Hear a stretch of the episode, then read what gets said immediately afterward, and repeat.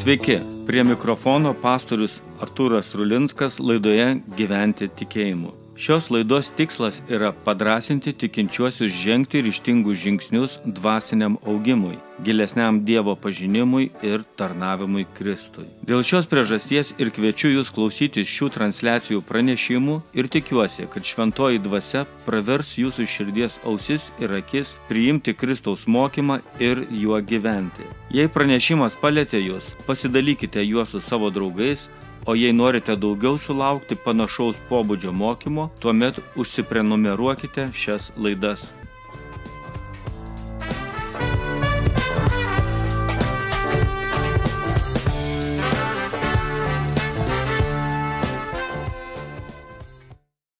Šiandien aš kalbėsiu apie metimą. Paskaitysiu pirmo laiško korintiečiams 13 skyriaus 11 eilutę. Kai buvau vaikas, kalbėjau kaip vaikas, maščiau kaip vaikas, protavau kaip vaikas, tapęs vyru, mečiau tai, kas vaikiška. Visi mes turime patyrimą, kada atsikratome mums nereikalingų daiktų ir dalykų. Vos ne kasdien iš savo namų išnešame ir išmetame į šiukšlių konteinerį įvairias atliekas, kas kurį laiką peržiūrėjome ir perrošėjome mums reikalingus drabužius, daiktus ir tai, ko nesiriešame dėvėti arba nenorime naudoti ir laikyti namuose. Tai kažkam atiduodame arba išmetame. Reikia pasakyti, kad kartais tą patį mes darome ir su žmonėmis. Žinoma, tai jau būna labai reti atvejai, nes žmonės yra nedaiktai, tačiau taip nutinka. Laikui einant mes išsigrininame, kas mums yra draugai, o kas ne, su kuo mes dalinamės savo gyvenimu, o kokio asmens nenorime prisileisti arba laikome per deramą atstumą. Štai aš ne per seniausiai išmečiau vieną asmenį iš savo Facebook draugų sąrašo, nes mane labai erzino to asmens požiūris į dabartiniu metu vykstantį karą. Taip pat nekarta yra ir įvykę su manimi. Esu kažkiek kartų pašalintas, kad ir ne fiziškai, bet emociškai, nes yra žmonių, kuriems labai nepatinka mano požiūris į pasaulį, į Dievą, į žmonių ateitį amžinybėje, į gyvenimo būdą pasitikint Jėzumi.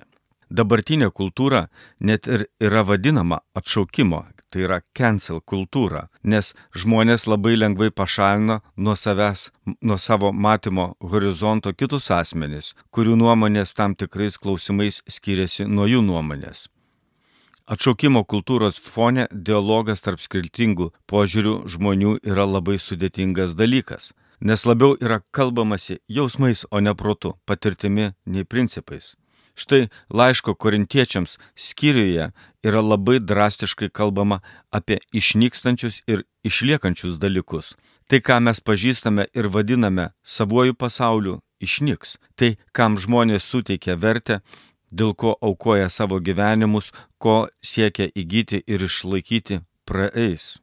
Apaštalas Paulius prisimena, kažkada buvau vaikas ir, kad ir kaip gaila, tačiau tai praėjo aš taip pat buvau vaikas, bet šiek tiek kitaip nei Paulius. Pasižiūrėjęs į juodai baltas fotografijas prisimenu, koks buvau vaikas, kokius drabužėlius vilkėjau. Galiu pamatyti, kaip atrodė jauni mano tėvai. Vis dėlto vaikystė praėjo ir iš jos liko tik prisiminimai. Vaikas aš ir vyras aš esame skirtingi žmonės, nors pagal dokumentus tai tas pats asmuo. Katalikų teologas Anton Rodzeter maldos knygoje Dievas leidžiantis man alsuoti rašo, ilgą laiką visas gyvenimas buvo skirstomas pagal septyneto schemą - septynios gyvenimo fazės. Ir šioje maldos knygoje jis iškeria šias septynes gyvenimo fazes - vaikystė iki mokyklos ir pradiniai mokykliniai metai, paauglystė, jaunystė, branda, senatvė ir gilėje senatvė. Viena gyvenimo fazėje pasibaigus prasideda kita gyvenimo fazė. Gilioje senatvėje esantis žmonės kartais ne tik nebeprisimena, kokie jie buvo vaikystėje ar jaunystėje, bet ir apskritai nebeatpažįsta jiems artimųjų žmonių. Šventas raštas mums duoda aišku supratimą, kad žmogus gyvena į galutinę savo gyvenimo fazę, bet per savo gyvenimo laikmo tiekmę jis gali pernešti tik tris dalykus - tikėjimą, meilę ir viltį. Pirmas laiškas korintiečiams 13 skyrius 13 eilutė. Laikas yra ta transporto priemonė mūsų kūnui, protui, supratimui, besikeičiant pernešti iš vienos gyvenimo fazės į kitą mūsų tikėjimą, meilę ir viltį. Galutinai iš paskutinės gyvenimo fazės gilios senatvės, jeigu iki jos nugyvensime, su šia išliekančia trejybė pereisime į dangaus karalystę, į tėvo, sunaus ir dvasios artumą.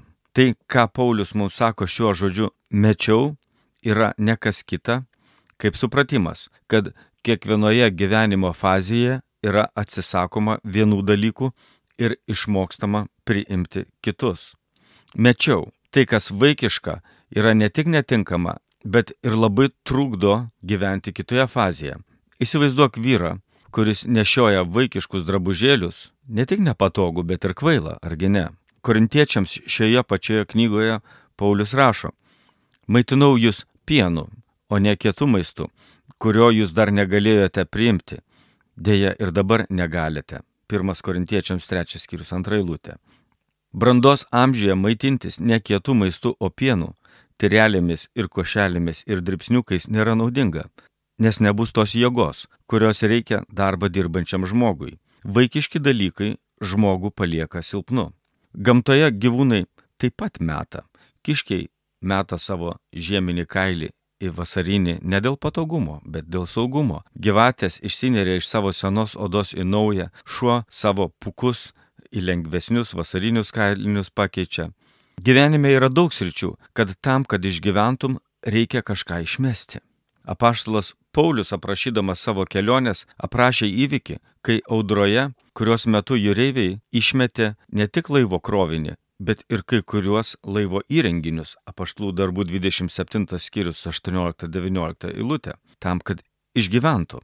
Kai tu eini į Dievo karalystę, tavo tikslas yra auginti savo sieloje meilę, tikėjimą ir viltį. Ir išmesti visą kitą, kas tave galėtų paskandinti ir sutrukdyti tau pasiekti tavo galutinį uostą, į kurį keliauji. Beje, mes kartais pereidami iš vienos gyvenimo fazės į kitą išmetame ir tai, ką iš tiesų turėtume pasilaikyti. Dabartinė vakarų Europos kultūra labai stengiasi išmesti jos kultūrą suformavusi krikščionišką pagrindą ir Kristaus mokymo įtaką at, nuo savęs atskirti.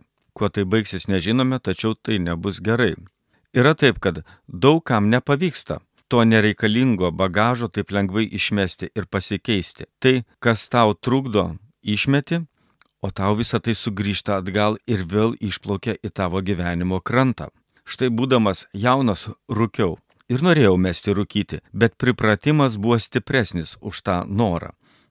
Man reikėjo Jėzaus, kad šis įprotis iš mano gyvenimo išnyktų. Daugelio priklausomų žmonių bėda yra ta, kad jie norėtų mesti gerti, norėtų mesti rūkyti žolę, norėtų mesti žiūrėti pornografiją, tačiau tų jėgų nėra. O kai negali išmesti tave skandinančio bagažo, tai audra tave greičiausiai ir paskandins. Gyvensi ne taip, kaip galėtum ir koks tau yra Dievo planas. Apaštalas Petras mums užrašo šios žodžius. Visą savo rūpesti meskite ant jo, nes jis rūpinasi jumis. 1 Petro 5 skyrius 7 eilutė.